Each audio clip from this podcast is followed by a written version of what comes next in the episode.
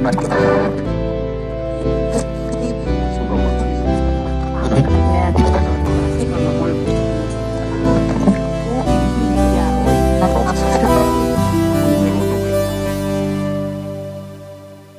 tulemast tagasi kuulama Dialoogia podcasti. dialoogia podcast on Tartu Ülikooli sotsiaalteaduste valdkonna podcast ja eesmärk ongi anda sõna inimestele, kes uurivad teisi inimesi eeskätt me tahame teada saada, kuidas need erinevad ägedad uurimisteemad sotsiaalteaduste valdkonnas igapäevaeluga seostuvad.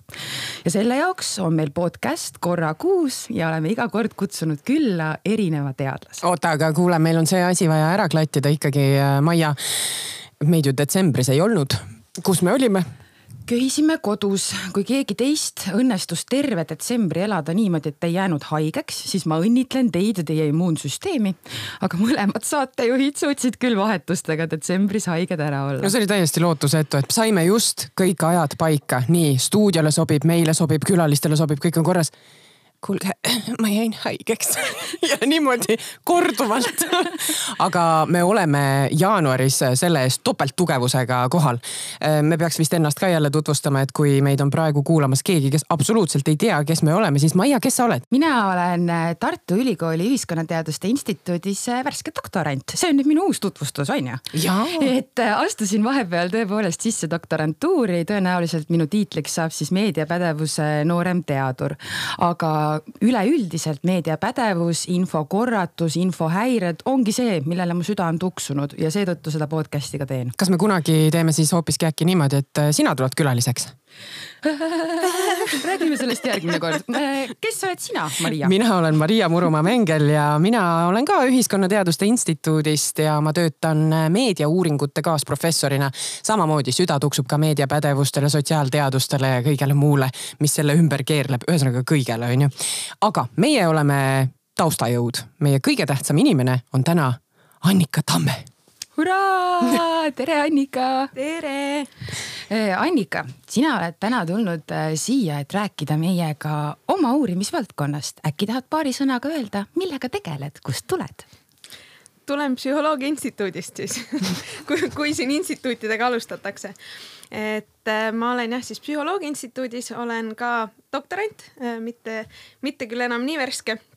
ja, ja olen ka nooremlektor ja minu uurimisteemadeks või minu valdkonnaks, millele minu süda tuksub, on siis äh, inimeste seksuaalsus, seksuaalsed probleemid, seksuaalne iha, kuidas inimesi toetada, kuidas nende seksuaalsust toetada ja, ja põhimõtteliselt siis kõik, mis seondub inimeste seksuaalsusega see tähendab, et kui mäletad, ükskord meil tuli jutt, et äh, me kogu aeg räägime mingitest seksikatest teemadest, mis on veits meie mingi mm. valdkonna kiiks, siis täna on meil päriselt seksikas teema.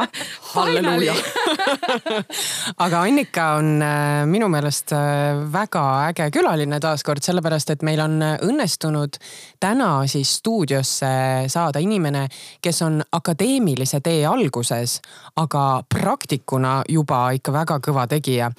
nimelt Annika töötab, äh, ma ei tea, kui palju Eestis üldse on, aga sa töötad seksuoloogina. kui palju Eestis on seksuolooge?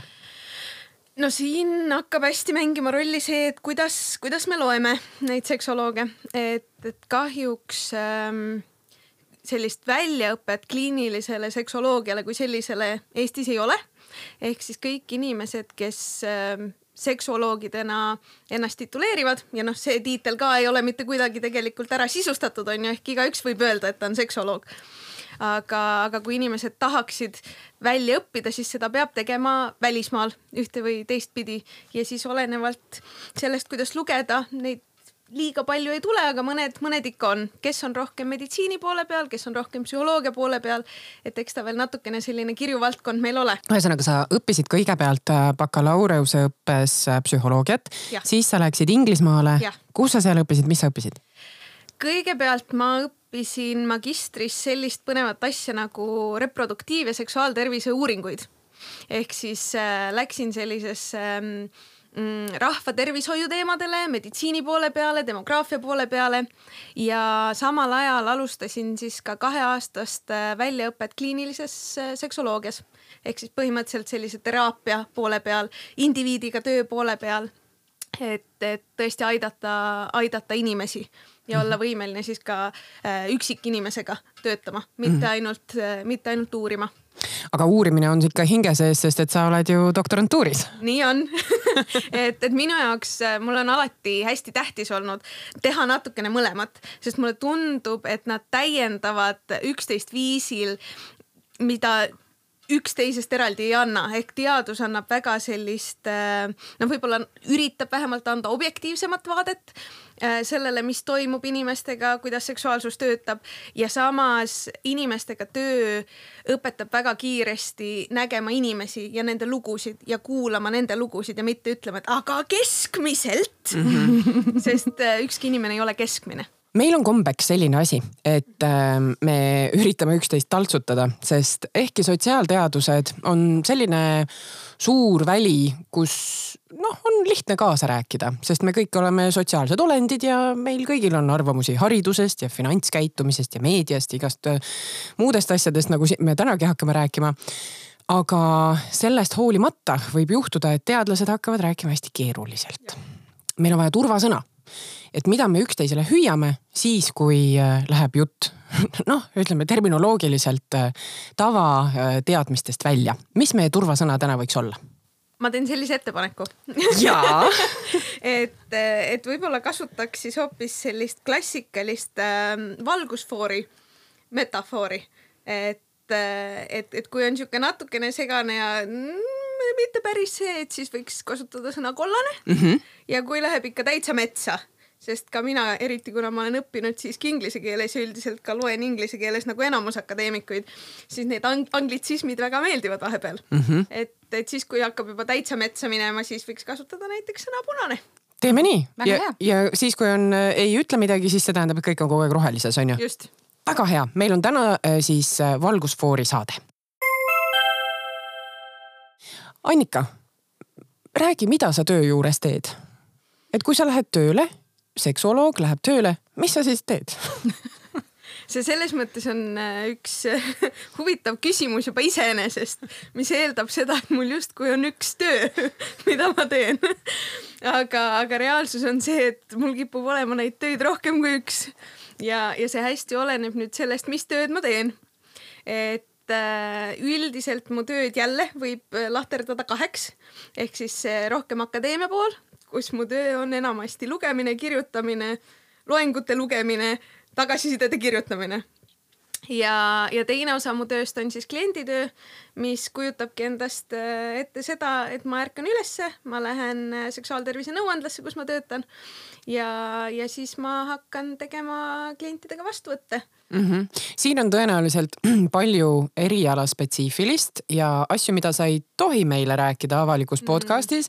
seega siis võid lihtsalt niimoodi pilgutada silmi meie punane, poole või punane, punane karjuda. aga ma ikkagi tahaksin teada sinu äh, praktiku töö kohta kõigepealt ja siis jõuame akadeemia juurde äh, milliste probleemidega, mm, murede, kõhkluste, kahtlustega inimesi äh, sa kõige rohkem oma töös äh, kohtad? ehk siis, mis on need teemad, mis sinu nii-öelda töölaual on mm? -hmm. no põhimõtteliselt ähm, ma olengi selline seksuaalsete probleemide psühholoog nii-öelda, et, äh, et kuigi, kuigi mulle väga ei meeldi ennast psühholoogi tiitliga ehtida, sest ma olen ikkagi seksoloog, siis noh, nii-öelda kui seksoloogia lahti lüüa, siis ma tegelen pigem sellise mitte, mitte meditsiinilise, aga psühholoogilisema poolega ja, ja need on ka need probleemid, millega inimesed minu juurde tulevad. ehk siis äh, üldiselt äh, mm, näiteks ihaprobleemid äh,, erinevused ihas, madal iha äh,, erektsiooniprobleemid, valuline vahekord ja, ja just siis äh, sellistel puhkudel, kus on kas välistatud meditsiinilised probleemid või siis äh, inimene ise ka tunneb, et seal all ongi ärevused, hirmud, mingid negatiivsed kogemused. et äh, noh nii palju, kui mulle ka ei meeldi enda töö, siis sellist meditsiinilist probleemi ära ei räägi, onju. -hmm. et äh, küll aga äh, meditsiin ja psühholoogia toetavad üksteist väga hästi ja, ja mina siis toetan selle. aga kas, kas seksuaalsus on nagu tabu, et kas sul kliente jätkub või inimesed proovivad ikkagi omaette pusserdades kuidagi noh, ära mõelda seda probleemi, et ah, seda tegelikult ei ole? mulle tundub, et inimesed suhtuvad hästi erinevalt aga selle jaoks või selle kohta käib see klassikaline rusikareegel, et häda ajab härjaga kaevu. et ma mäletan siis, kui ma Eestisse tulin, siis üks mu kaugem tuttav ütles mulle, et et, et noh, et Eestis ma selliste teemadega küll läbi ei löö, et Eestis keegi ei tuleks vastuvõtule. minu praktika ütleb seda, et üldiselt pigem on järjekord, kui et inimesi puudu tuleb aga kuidas see täpselt ikkagi käib, et see meditsiinilise ja psühholoogilise eristamine on hästi loogiline, aga kui ma mm -hmm. üritan ette kujutada inimesena, kes ei ole seksoloogi juures käinud, et kas see ongi siis näiteks nii, et ma kõigepealt lähen siis vastavalt kas uroloogi või günekoloogi juurde, välistan ära meditsiinilised põhjused ja siis kas nad suunavad seksoloogi juurde või kas see on pigem nii, et ma peaks ise taipama, et kui ei ole meditsiiniline, siis ma otsin üles need kümme seksoloogi Eestis või, või kuidas see täpselt käib? no eks, eks ta natuke on nii ja naa, et äh, ideaal loomulikult on see, et kui inimene ise tajub, et ongi mingid hirmud, mingid ärevused, midagi ei toimi, kõik juba jooksebki üle pea, pingetunne on juba ette nii suur ees, et noh, karta on, et midagi ei juhtu ja üldse ei suuda nautida, sest ma ei suuda millelegi muule mõelda, kui näiteks sellele, et kuidas nüüd välja tuleb, onju. et, äh, et, et noh, see on nagu võib-olla on üks võimalus. teine ideaalmaailm, kus mulle tundub, et me veel täielikult ei ole Eestis, aga, aga vaikselt sinnapoole triivime, on see, et arusaadavalt inimene ise ei suuda väga tihti hinnata seda, mis temaga toimub täpselt ja lõpuni, eriti kui see näiteks ongi veres, vere, südame-veresoonkonna probleem on ju, mis äh, näiteks erektsioonidega on väga otseselt seotud. et äh, et, et siis see ideaal oleks see, kui inimene võiks minna ükskõik kelle vastuvõtule selles süsteemis, kas siis uroloogi, günekoloogi, seksoloogi, et nemad suudaksid hinnata ja vastavalt siis suunata süsteemi sees. see vaikselt juba toimib, minu poole ka mm, saadetakse, küll saadavad perearstid, küll saadavad äh, gümnakoloogid, uroloogid. ma ise, kuna ma töötan seksuaaltervise nõuandlas, siis meil on ka oma tiim kus, äh, kus meil on ämmaemandaid, günekolooge ja, ja oma tiimi siseselt me suuname hästi palju äh, edasi-tagasi vastavalt siis äh, kliendi vajadusele. et et, et minu jaoks see on tegelikult nagu just, just seesama ideaal, et kui mul on probleem, mina võib-olla ei oska seda hinnata, aga ma lähen selle spetsialisti juurde, keda ma usaldan ja, ja tema siis oskab tegelikult juba anda edasisi juhtnööre aga mul on potentsiaalse kliendi vaatenurgast veel üks küsimus, et, et kas seksoloogi juurde peaks tulema inimesed, kes juba on julgenud oma partneriga rääkida sellest, mis toimub? Või on see ka sihuke koht, et kui nagu omavahel ei suuda ilma süüdistamata või tülitsemata midagi selgeks teha, et kas sa mõnes mõttes teed ka nagu noh baariteraapiat mm. -hmm. et tegelikult ju väga paljuski see võib ja. olla seotud sellega, et ei julgegi öelda, mida ma tegelikult tahan. ei, absoluutselt väljaõppelt tegelikult äh, mul nagu justkui on pädevus töötada baaridega, aga praegu ma ise olen võtnud vastu otsuse, et mina äh, baari tööd ei tee. Äh, küll aga kindlasti teen ka tööd inimestega, kellel näiteks on see, et ma tean, et ma peaks rääkima partneriga, aga ma lihtsalt ei julge, ei saa, mul on nii palju ärevust, ma ei oska kusagilt alustada ja, ja vahel see algabki sellest, et me õpime ütlema asju välja, me õpime kasutama sõnu ja vahel ka aitab väga palju see, kui inimene näeb seda, et tal on vastas inimene, kes täiesti vabalt räägib äh,, räägib ja ütleb sõnu välja, räägib peenistest, räägib vulvadest, räägib millest iganes, räägib äh, naudingutest, et vahel lihtsalt see, et ma kuulen neid sõnu vahel lihtsalt see, et ma kuulen, kuidas keegi ütleb mingeid lauseid välja, mida ma ei ole osanud formuleerida, juba aitab hästi palju. Mm. ja see nagu normaliseerib, sellepärast et kui ma ei ole kuulnud neid vestlusi mitte kunagi mitte kusagil, võib-olla parimal juhul pornos on ju, aga noh, need ei ole vestlused siis, siis ku, aga kuidas ma oskan mm? -hmm. ma, ma väga ei oskagi ja eriti sellisel siiral, ausal, haavataval moel, sest et see on nii intiimne ja seal teha haiget teisele inimesele on hästi kerge ja ise haiget saada on kohati veel kergem. Kui raske töö sul on ikka täitsa lõpp. E-, e-, eks ole, alustame sellest, et oo, seksikad teemad, kõik on nii lihtne ja lõbus onju. ja, ja tegelikult nii, kui sa natukene avad seda ust kaugemale sellest, et uus seksikas teema, siis sa näed seda, et see tegelikult noh, ja võib-olla ka seesama uus seksikad teemad on, on ka mingil määral selline kaitse onju mm -hmm.. noh, et ärme räägi sellistest haavatavatest asjadest, vaid räägime ainult sellest fun'ist. seda on hästi palju oh,. mul on nii palju küsimusi, aga ma alustan äh, sellest äh, sõnade osast miks meil ei ole sõnu selleks, et rääkida seksuaalsusest ja seksist? kuhu need sõnad kadunud on, sest need sõnad on ju olemas on ja ei ole, ütleks mina. Äh, sest mulle tundub, et äh, ma siin mõne oma tuttava seksoloogiga, meil on olnud päris palju neid vestlusi, et nii tahaks mingeid asju öelda, aga ei ole ühtegi head eestikeelset sõna. palun tehtagu sõnu eesti keelde. näiteks? Äh, üks hästi hea sõna, millel tõenäoliselt mingeid vasteid eesti keeles ka on olemas, aga mille osas meie oleme üsna palju vestelnud, on näiteks sõna kink mm. -hmm no sest eesti keeles kink on, on ju, on, on sõna olemas ja, ja ka tähendusega sõna justkui. ka isegi seksuaalsuse ja kehaga seonduvalt on ju mm, -hmm. lisaks loodusele. just, et, et, et aga midagi, mis võtaks seda kõike kokku ja oleks päriselt eestipärane mm. -hmm võib-olla nii väga. aga mis see on siis, kui praegu inimesed on, mis mõttes noh, kingul Kingitus. kajab hääl nii? Äh, see, see on selline termin, mis võtab kokku hästi palju eh, võib siis öelda seksuaalseid käitumisi, eelistusi, mis, eh, mis justkui ei ole nii-öelda normipärased või äh,. keskmise näoga jah? jah, just mm, -hmm. mis ei ole nii-öelda see keskmine, mis mis, mis võib-olla väljenduvadki kas siis ainult eelistustes, fantaasiates, aga ka käitumises, aga ka, aga ka kohati mingites kindlates välimustes on ju. noh, sinna alla mm, arvestatakse igasuguseid äh, BDSM käitumisi, sinna alla äh, arvestatakse näiteks mingeid teatud fetišeid ja, ja nii edasi, et on selline vihmavarju termin siis mm -hmm. või katu, eesti keeles on vist katustermin. just mm. -hmm. ja meil ei ole päris sellist sõna või?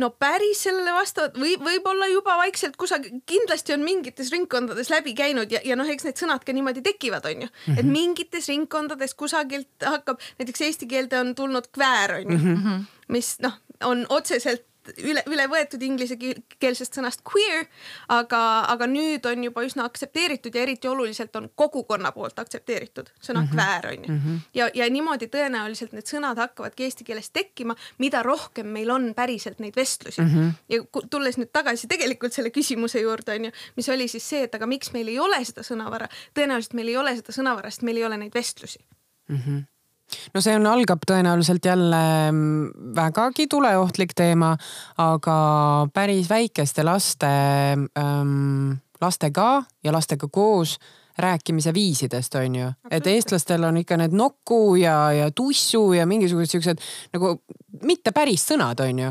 ja siis ma tean, et teised seksuoloogid on ka seda ja seksuaaltervise äh, spetsialistid on ka seda välja toonud, et siis laps nagu ei mõtle või mõtleb oma kehast nagu erinevates kategooriates. on asjad, mille kohta me võime rääkida, et see on põlv ja see on küünarnukk ja siis on mingid sellised, kus me tegelikult ei tohi päriselt välja öelda, mis see on, on ju.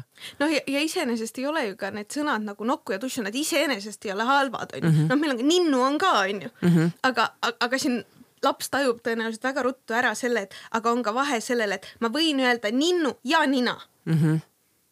aga kas ma võin öelda noku ja peenis, seal on kohe justkui on nagu mingi teistsugune varjund sõnal mm. -hmm. Ju, justkui on nagu teistsugune mm -hmm.. justkui on üks sõna on nagu väga palju täiskasvanum kui teine sõna. okei okay. mulle, mulle tundub, aga eks see ole jälle selline tunnetuslik no ma arvan, et siin on äh, jällegi selline interdistsiplinaarne dialoogi võimalused, kus nii-öelda keeleteadlased ja, ja seksoloogid saavad kokku tulla ja mõelda välja uusi sõnu, aga mõelda ka, et miks see nii on.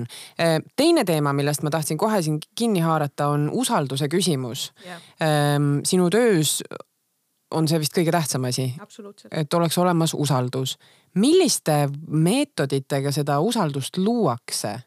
Et mida, mida sa teed oma klientidega ähm, sellist, mis, mis tõstab seda usaldust, kust ta teab, et ta sind usaldada saab? aga oleme ausad, ega ta ei teagi. kui ta uksest sisse astub, ega ta ei teagi, et ta saab mind usaldada. ja, ja noh, eks mingil määral usaldus ongi selline kahesuunaline protsess on ju et ega ta ei, ta, ta, ta ei saagi lõpuni teada, kas ma olen usaldusväärne, enne kui ta mind vähemalt natukene ei usalda. ja, ja noh, mida mina omalt poolt saan anda, on näiteks see, et esimestel vastuvõttudel ma üldiselt noh, teen rohkem selleks, et olla võimalikult avatud, äh, võimalikult sõbralik. Äh, võib-olla teen ka noh, olenevalt inimesest loomulikult, võib-olla teen ka nalja natukene rohkem, on ju just sellepärast, et tekitada seda õhkkonda, et see on, see on okei okay,, ennast ebamugavalt tunda ongi okei. Okay.. tõenäoliselt siis olen ka mina see, kes rohkem kasutab äh, mingit seksuaalset sõnavara just sellepärast, et jälle näidata, et minul on väga mugav kasutada erinevaid sõnu. minule ei ole piinlik rääkida mingitest võib-olla nii-öelda ebatavalistest praktikatest. ma ei mõista sind hukka, kui sa teed võib-olla mingeid asju, mida ühiskonna, millele ühiskonnas võib-olla vaadatakse viltu, et lihtsalt mingil määral ka tõestada inimesele, et päriselt ka ma ei mõista teda seal ruumis hukka siin on päris kõva kate uurija eetikaga, mhm. et tegelikult ju ideaalis, eriti kvalitatiivsetes uuringutes peab, ehk siis intervjuud, kus me räägime pikalt inimestega, palume neil sageli rääkida väga tundlikel teemadel, et seal on nagu mida, mingi sarnane dünaamika käimas, on ju no võib-olla selles mõttes äh, ta läheb natukene isegi sellest äh, kaugemale, sest uurijana sa ikkagi pead mingil määral objektiivsust hoidma. sa ei, sa ei tohi sellele anda liiga suurt emotsionaalset laengut sellele, kuidas sa inimesega suhtled aga võib-olla teraapiaruumis ikkagi esimestel kordadel ma üritan anda sinna mingit emotsionaalset laengut. Mm -hmm.. noh, just sellist väga avatud, võib-olla isegi natukene ülepositiivset, noh jälle väga olenevalt inimesest ja kontekstist, aga pigem ma just üritan luua seda ruumi, mis, mis tekitab temas sellist turvalisust. loomulikult, kui inimene annab kas oma kehakeelega, sõnadega, millega iganes märku, et, et selline sõbralikkus võib-olla pigem on talle just nagu eemale tõukav, siis ma, siis ma tõmban ka seda tagasi tagasi, onju. -hmm. aga et pigem mu lähe-, lähtekoht on see, et äh, ise näidata seda, et minul on mugav mm. -hmm. ma kujutan ette, et sinu juurde jõuavad äh, tõenäoliselt väga paljuski inimesed, kes mingil moel tunnevad, et nad on valed. et asi, mida nad tunnevad, mida nad teevad, mis neid erutab. kuidas nende keha toimib. on vale mm. -hmm kust need arusaamad tulevad sest et inimesed on ju väga erinevad, et me võiksime olla ju tänaseks jõudnud sinnamaani, et ei ole ühte olemise viisi. et mis ütleb nendele inimestele, et see, mida sa tahad, see, kuidas sa oled, on vale mm? -hmm. no ma kindlasti, ma kindlasti ei taha olla see inimene, kes on jälle see, et meedia on kõiges süüdi aga, ja kindlasti meedia ei ole kõiges süüdi, tal on oma roll aga mitte, mitte selline äh, kõikvõim, kõikvõimas roll äh,. aga kui ma lihtsalt ka mõtlen selle peale, et äh, kui ma olen, ma olen inimene, onju, ja võib-olla ma olen selline keskmine inimene ja mitte seksoloog praegu selles hetkes. ja mina nagu kõik teised tahan olla hea partner. ma, ma tahan olla parim inimesele, keda ma armastan. mul ei ole tõenäoliselt väga palju seksuaalharidust ma ei tea väga hästi, kuidas kõik toimib, kuidas iha toimib, kuidas kehalised protsessid toimivad. mul tegelikult ei ole mingit arusaama, võib-olla rohkem kui mingi anatoomiline joonis kusagilt koolist onju. ja, ja kui ma nüüd ka ise selle pilguga näiteks vaatan seda, et mis infot inimene saab meie kultuuriruumis, siis äh, no ma, on, on täiesti kerge näha seda, kust tulevad mingid arusaamad sellest, et on mingi üks õige. et kuidagi kindlat viisi peab. noh, kõik need äh, viis viisi, kuidas olla parim armatseja voodis ja, ja kümme poosi, mis teevad sinust parima seksjumala või noh, mis iganes, on ju. ja, ja ma, ja mulle tundub, et need alateadlikult ka annavad edasi just seda, seda sõnumit, et äh, on mingi üks viis või mingi kümme viisi, mis sobivad kõigile kuidas olla kõigiga hea. nii et järelikult peab olema mingi üks õige seks kusagil onju. see kõlab nii hästi, see võiks olla selle tänase äh, episoodi see kokkuvõte. järelikult peab kusagil olema üks õige seks, sest me mõtleme siin selliseid clickbait yeah. klõpsu, klõpsumagneti pealkirju ka välja. Noh, ja, ja, ja sealt see hakkabki pihta, onju, et kui mu keha ei tee täpselt nii, nagu ma olen näinud pornos või meedias või, või, või kõige klassikalisem on ka see, et äh, mm, minu klientidel tihti on ka see äh, uskumus ja, ja tegelikult mitte ainult mu klientidel, ma näen seda ka väga palju mujal, on just, just see uskumus, et no justkui mina oleksin ainuke, kellel selline probleem on mm, -hmm. et ma olen sellega kuidagi üksi.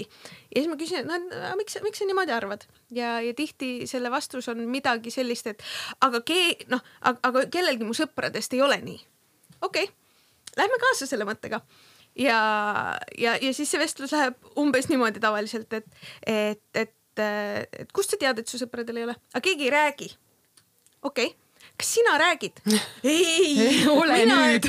täpselt, onju, aga sealt see hakkabki, me kõik teeme sellist nägu, et mitte kellelgi ei ole mitte ühtegi probleemi, kõik äh, teevad seda ühte õiget seksi kodus, onju, ja, ja, ja mida rohkem, seda uhkem.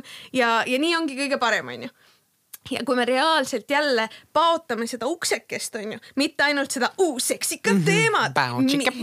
täpselt, vaid ongi see, et noh, et ja kui me vaatame ka statistikat, onju, vähemalt pooltel inimestel on tõenäoliselt elu jooksul mingi seksuaalne probleem. siis no tõenäoliselt ei ole päris nii, et kellelgi su sõpradest ei ole ega ei ole kunagi olnud mitte ühtegi ähm, probleemi, millega mm -hmm. nad peaksid tegelema. tõenäoliselt enamus inimestel on teatud mingid ebakindlused, mingid ebamugavused midagi just seoses sellega, et me, me ei räägi sisuliselt, me räägimegi just nendest väga seksikatest poosidest ja, ja, ja tehnikatest ja, ja ma ei ütle, et poosid ja tehnikad ei ole seksuaalsuse osa, loomulikult, aga nad on väike osa -hmm. sellest kõigest, mis toimub aga Annika, kui me räägime siin õigest ja valest, siis äh, tuleb ikkagi adresseerida ka elevanti toas mm., et on mingisugused, ma tean, et seksuaalhälve vist ei ole enam termin, mida heaks kiidetakse teie koolkonnas, aga et on ikkagi mingisugused seksuaalsed käitumismustrid ja ihad, mis on valed. kas on valed sellepärast, et need on äh, kriminaliseeritud mm. nagu pedofiilia või näiteks ma sain hiljuti teada, et zoofiilia Eestis ei ole küll seadusevastane, aga tugevalt taunitud, ma ütleksin siiski ühiskonnas mm kas selliste asjadega tullakse ka seksoloogi juurde mm,? ikka tullakse ja, ja kuni ka selleni, et, et noh, loomulikult on, on case'id, kus me tõesti räägime mingitest a la äh, pedo, pedofiilsetest äh, siis tunnetest äh,, võib-olla sofiilsetest tunnetest, aga tegelikult ka kui, kui tulla jälle võib-olla sellisele vähem ekstreemsesse kohta, siis ka väga-väga tihti inimesed, kellel on täiesti normaalne seksuaalne käitumine, võivad tunda, et nad on kuidagi valed või midagi on liiga palju või midagi on liiga vähe mm. -hmm. et, et, et mõlemast otsast ähm, tullakse ja jõutakse ikka jah, ja, ja, ja tõepoolest selles mõttes, et tänasel päeval ja, ja mis mulle võib-olla ka meeldib äh, seksoloogia juures äh, tänasel päeval ongi see, et äh, me kipume enam mitte nii väga vaatama ja hindama väliselt. noh, jälle need tehnikad ja käitumised ja kõik see, et kunagi me hindasimegi, onju, et noh, et kui ikkagi mees seksib mehega, siis see on hälve, onju mm., kunagi mm -hmm.. noh, jälle väliselt vaatame peale, ütleme, et nii on vale, nii ei tohi. see on paha, see on hälbeline. noh, näiteks samamoodi oli erinevate BDSM käitumistega mm, -hmm. millest noh, mingi piirini on endiselt näiteks Inglismaal äh, seadusega keelatud, onju. noh, et me jälle vaatame peale ja ütleme, et oo, nii on paha, nii ei tohi teha aga, aga tänapäeval pigem see arusaam ongi läinud rohkem sellise nõusoleku põhisuse poole ja pigem jälle selle sisu poole onju. ja noh, kui me siin vaatamegi näiteks ähm, mingeid selliseid BDSM praktikaid või homoseksuaalsust, siis ongi see, et me näeme seda, et meil enamasti ikkagi on täiskasvanud inimesed, kes on väga nõus, kes on väga rahul sellega, mida tehakse, onju, versus näiteks seesama, kas siis pedofiilia või sofiilia, mille puhul teine inimene ei anna oma nõusolekut. või ka loom. jah, no ei saagi või, anda, ei saagi anda, ei ole võrdsed, eks ole. Mm -hmm. et, et, et, et tänasel päeval rohkem tõmmatakse seda piiri mitte nii väga välise põhjal, kuivõrd sisu põhjal mm meil on äh, aeg see segment vaikselt kokku tõmmata. ülimasendav segment. ei, ei, ei, ma, ma nüüd üritan äh, tõmmata teisele rajale meid, äh, mis tegelikult on ka masendav aga natukene teistmoodi. seksikad teemad. seksikad teemad, ma üldse naeratust täna on.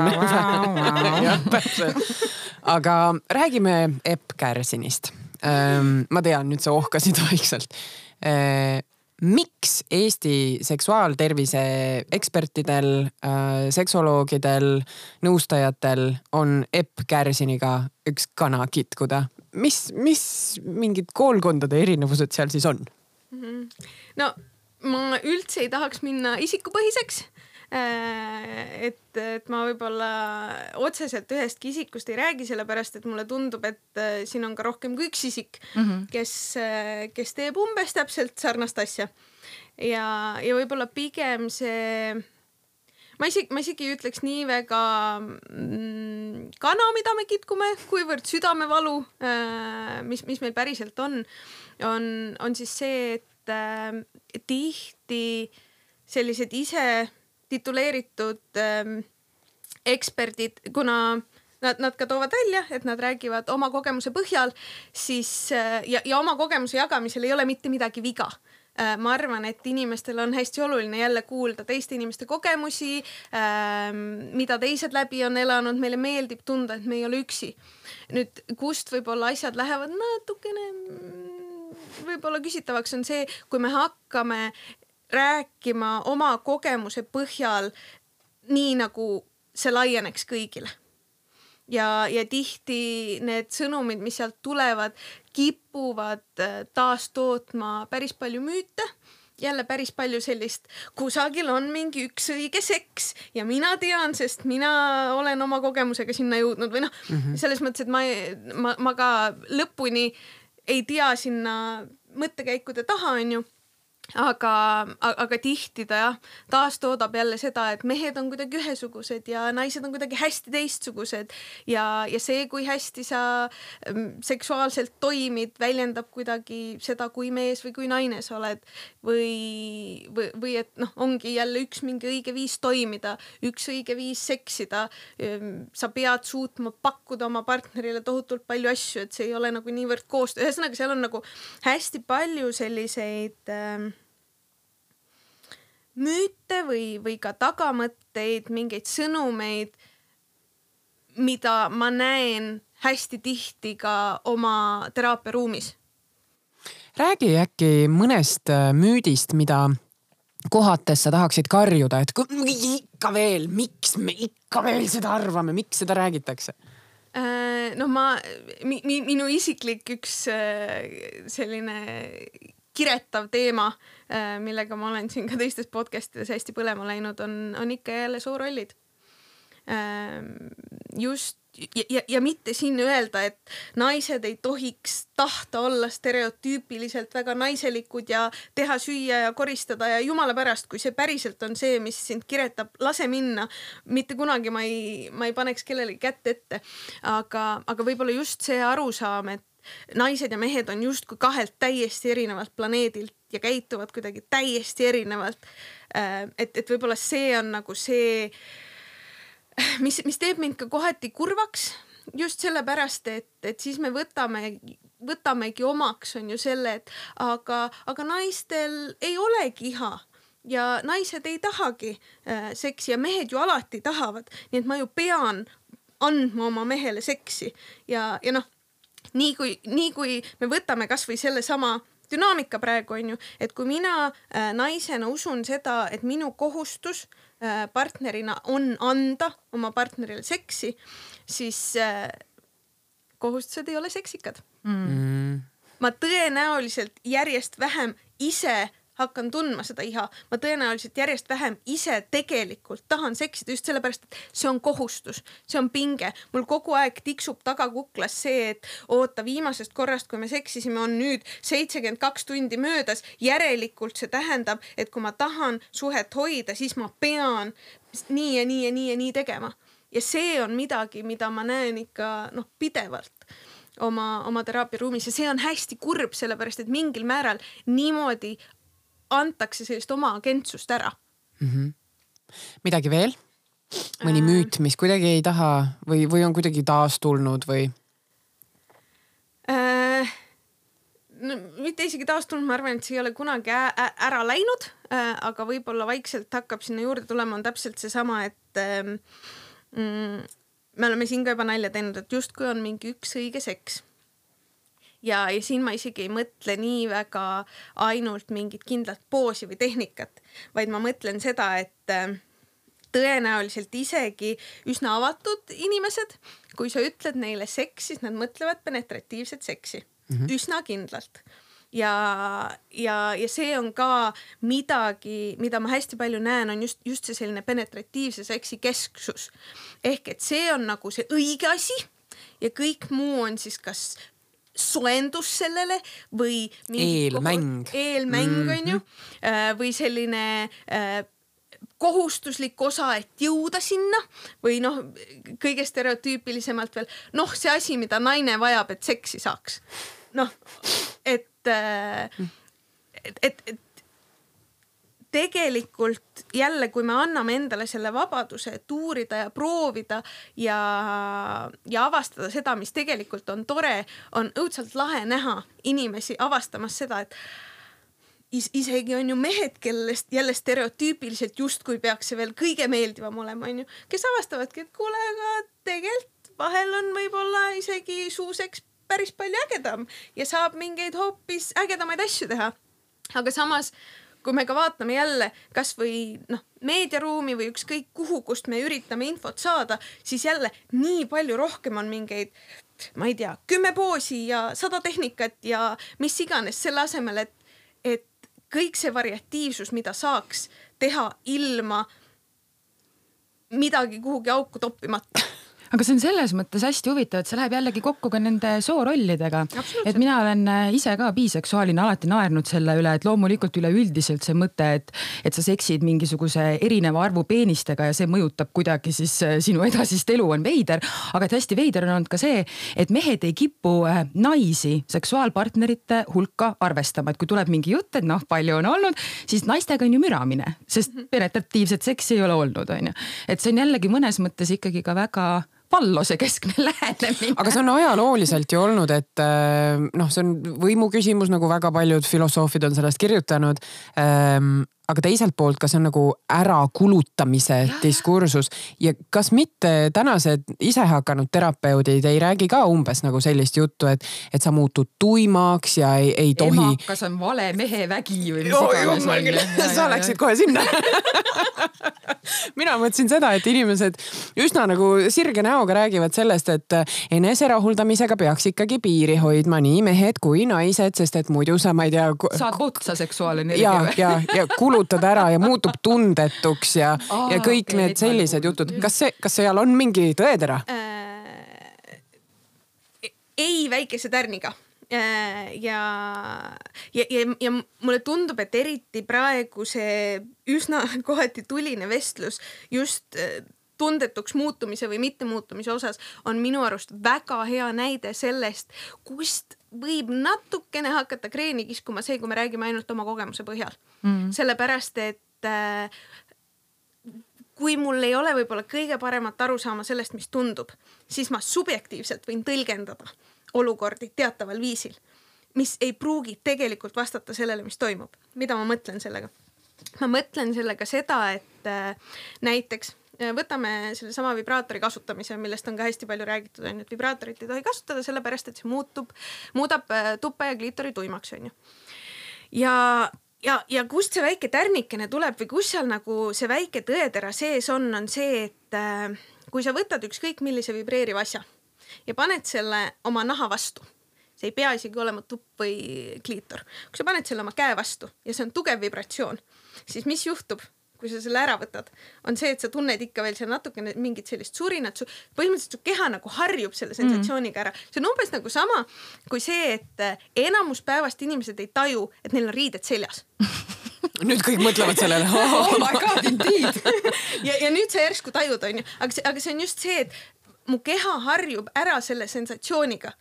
Ja see ongi okei okay,, kui, kui natukene peale seda, noh, ei ole see tunne täpselt seesama, sellepärast et see äh, vibratsioon võib olla üsna tugev, on ju, oleneb jälle inimeste eelistustest, osadele võib meeldida väga tugev vibratsioon. järelikult noh, selle võrra keha harjubki mingit tüüpi asjaga ära. ja, ja see võib tekitada seda, et ongi justkui tuim, ongi justkui katki ja ma võingi seda niimoodi tõlgendada, onju noh, aru saamata, et anna talle paar minutit ja kõik on täpselt samamoodi tagasi on ju üldiselt. Ja, ja nüüd see teine osa sellest, äh, mis võib ka sellist äh, tõlgendamist nagu sellele kaasa aidata, on see, et äh, meie eneserahuldamine ja naudingute vastuvõtmine ja kõik see on ka väga harjumuslik.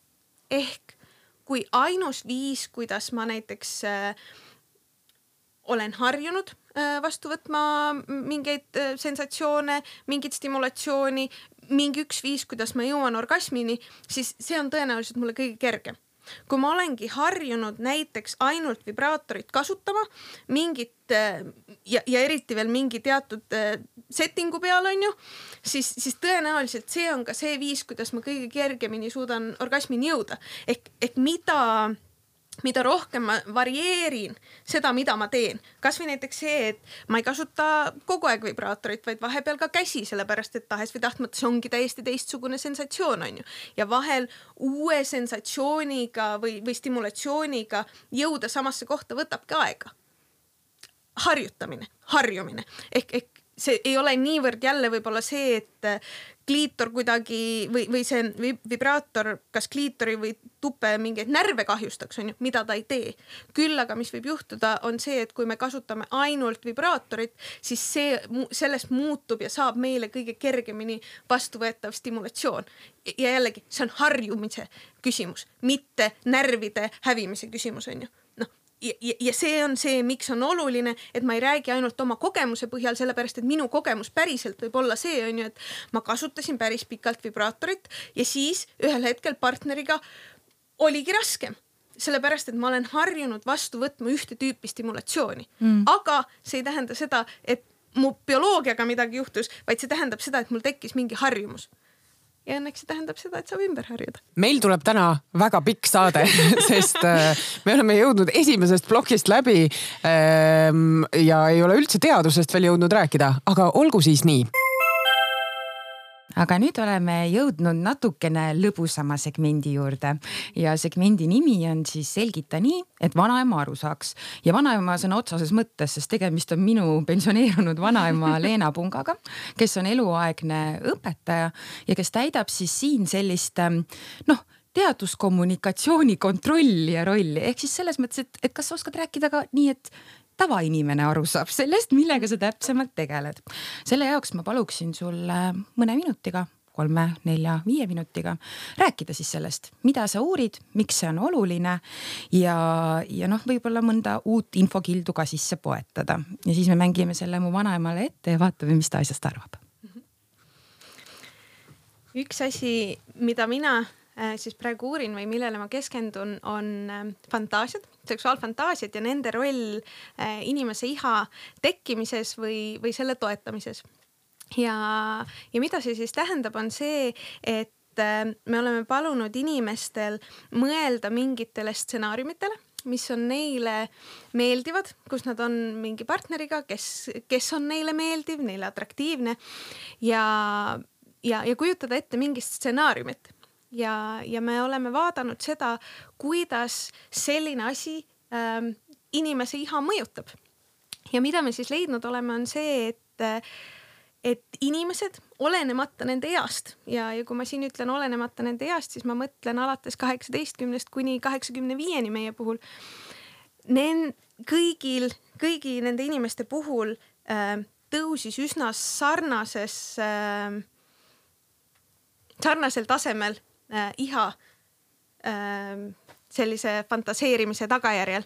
ja, ja, ja mida see meile ütles, on siis see, et kui, kui inimesed saavad ette kujutada seda, mis neile päriselt meeldib, ilma et nad peaksid mõtlema kindlatele ähm, kehalistele käitumistele või sellele, kuidas nende keha reageerib või, või mida seksuaalsus ja seks tähendab, siis tegelikult ähm, kõikide inimeste puhul see selline fantaseerimine mm, toetab nende, nende seksuaalset iha.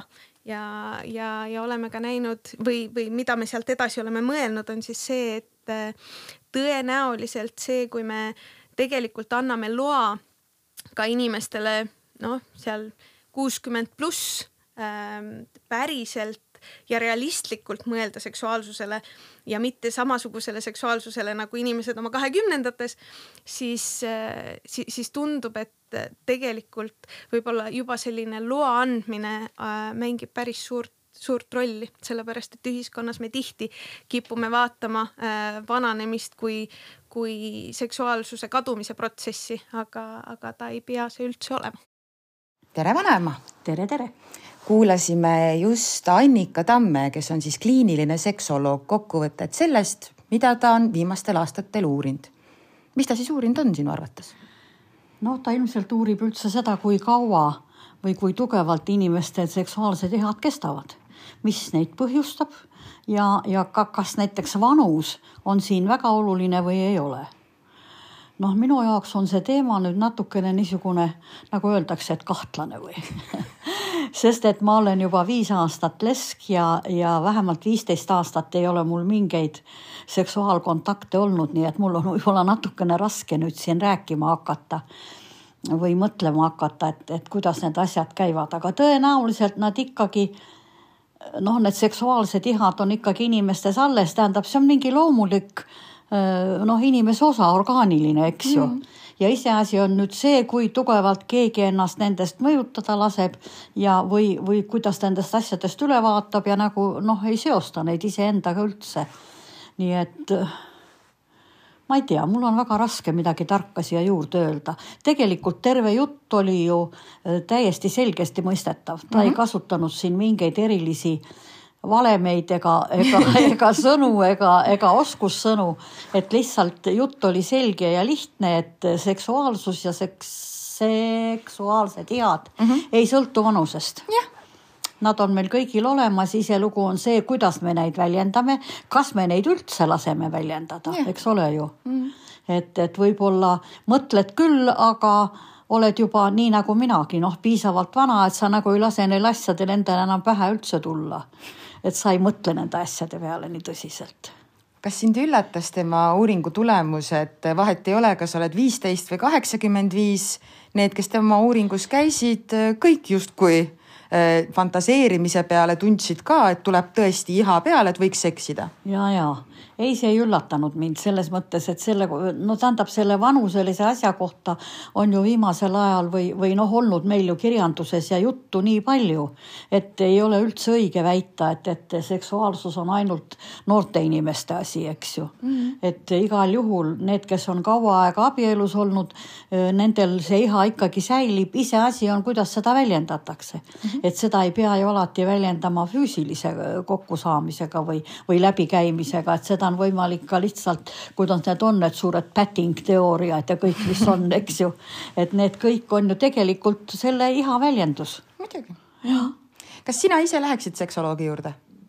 ei läheks sest nagu ma sulle ütlesin, et ma olen viis aastat lesk olnud, viisteist aastat tähendab noh, see viis aastat on selle viieteistkümne sees, mul ei ole olnud mingit vajadust ega võimalust ja, ja samal ajal ma ikkagi mõtlen, et kui no minu eas juba, kui ikkagi midagi tekib, siis see peab olema vastastikune. see partner peab olema väga meeldiv ja, ja siis noh, ikkagi vastastikusel kokkuleppel, mitte nii, et mina ihaldan ja tema ei ihalda või vastupidi, tema ihaldab ja mina ei taha kuuldagi, eks ju mm. mis me siis sellele teaduskommunikatsiooni klipile hindeks paneme?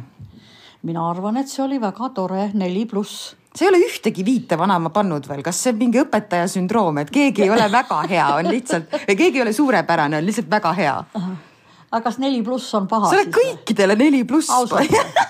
no paneme siis sellele viis. Ma nüüd survestasin, ei, jääb neli pluss. suured tänud, Leena Punga. järgmise korrani. järgmise korrani vanaema on igatahes nüüd sõna saanud ja saame liikuda edasi järgmise osa juurde, et rääkida kõigest sellest põnevast lähemalt appi, Annika. Väga-väga huvitav jutt. mul tekkis nii palju küsimusi, aga eeskätt äh, tekkis mul alustuseks kohe pähe mälupilt Seksi ja linna episoodist, kus äh, samuti oli siis äh, tõenäoliselt väga sarnane olukord, et oli ju siis paariline, eks ole, ühel nendest tegelastest, ma ei mäleta ausalt öeldes nende nimesid enam, aga ja tema paarilisel oli erutuseks vaja vaadata pornot. ja siis see naine väga solvus, sest et noh, iga kord, kui nad hakkasid seksima, siis nagu üritati kuskilt taustalt panna porno käima et äh, kuidas siis sellega on, et ma saan aru, et fantaseerimine tõstab iha. aga samas noh, et kui sa ikkagi nagu vaatad pornot või ütled ka, et ma kujutan parasjagu ette Arnold Schwarzeneggerit, mitte oma meest, issand imelik näide. väga random. mida see sinu kohta ütleb aga et lühidalt nagu see võib kohati olla ju, ju, ju solvav, et kui sa tahad fantaseerida, mis sa ütled, et uuringute puhul on loomulik, see võib mõjuda partnerile kui, aga kas mina ei ole piisav mm. -hmm kuidas siis sellistele teemadele läheneda? -hmm.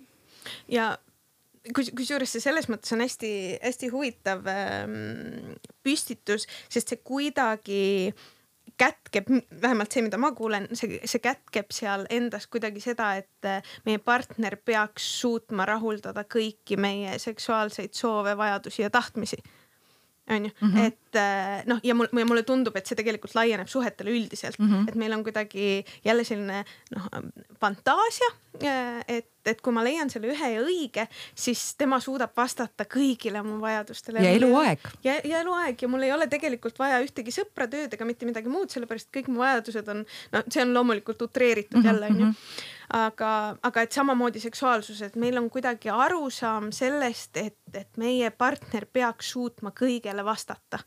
ja mulle tundub, et see võib-olla ei ole alati realistlik mm. ja, ja just ka selles mõttes, et kui mulle tundub, et vaikselt on juba tekkinud tegelikult see, et me mõistame seda, et jah, et on nagu on ju, on sina ja mina ja on mingi meie ühisosa on ju ja päriselus või noh, nii nii-öelda päriselus või igapäevaelus me, me anname endale selle, sellest aru, onju, et teine inimene on oma inimene, tal on oma elu, omad hobid, omad sõbrad, onju. ja, ja minul on oma.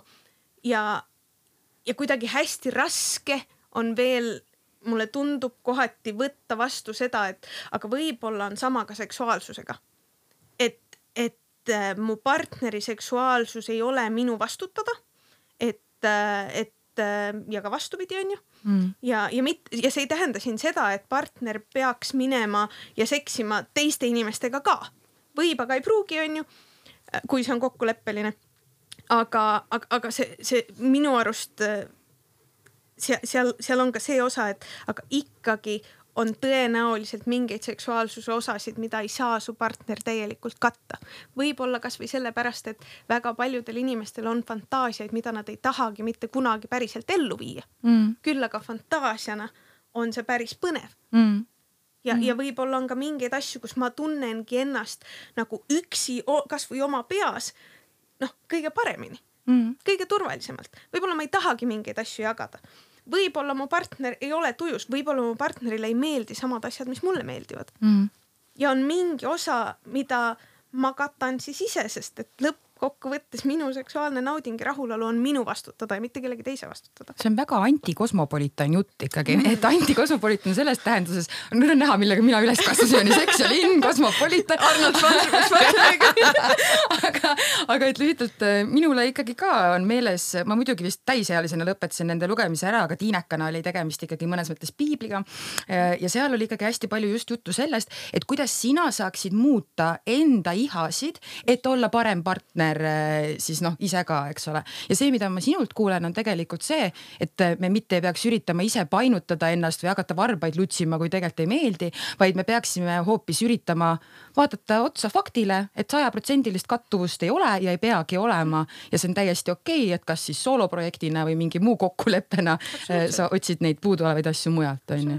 noh, ja, ja siin jälle see, et äh, inglise keeles on see GGG ehk good giving and game noh ehk väga hea on see, kui on see avatus, et, et ma olen ka valmis võib-olla vahel tegema mingeid asju, mis võib-olla otseselt mulle nagu nii palju ei paku, onju, aga ma tean, et mu partnerile on sihuke jess täiega tahaks, täiega meeldib.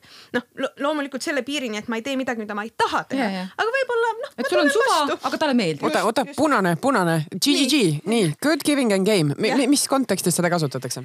Äh, just selles mõttes, et äh, selline avatus sellele, et, et ma olen nõus ka vahel pakkuma või proovima või, või vähemalt mõtlema siiralt ja ausalt sellele, kas ma olen valmis mingeid asju tegema või proovima et, et, et kui mul on kohe algusest peale see, et ei juba põhimõtte pärast ja ma isegi ei mõtle, miks või kust see põhimõte tulnud on, et noh, siis jälle see, see lihtsalt paneb nagu kõik seksuaalsed vestlused kinni.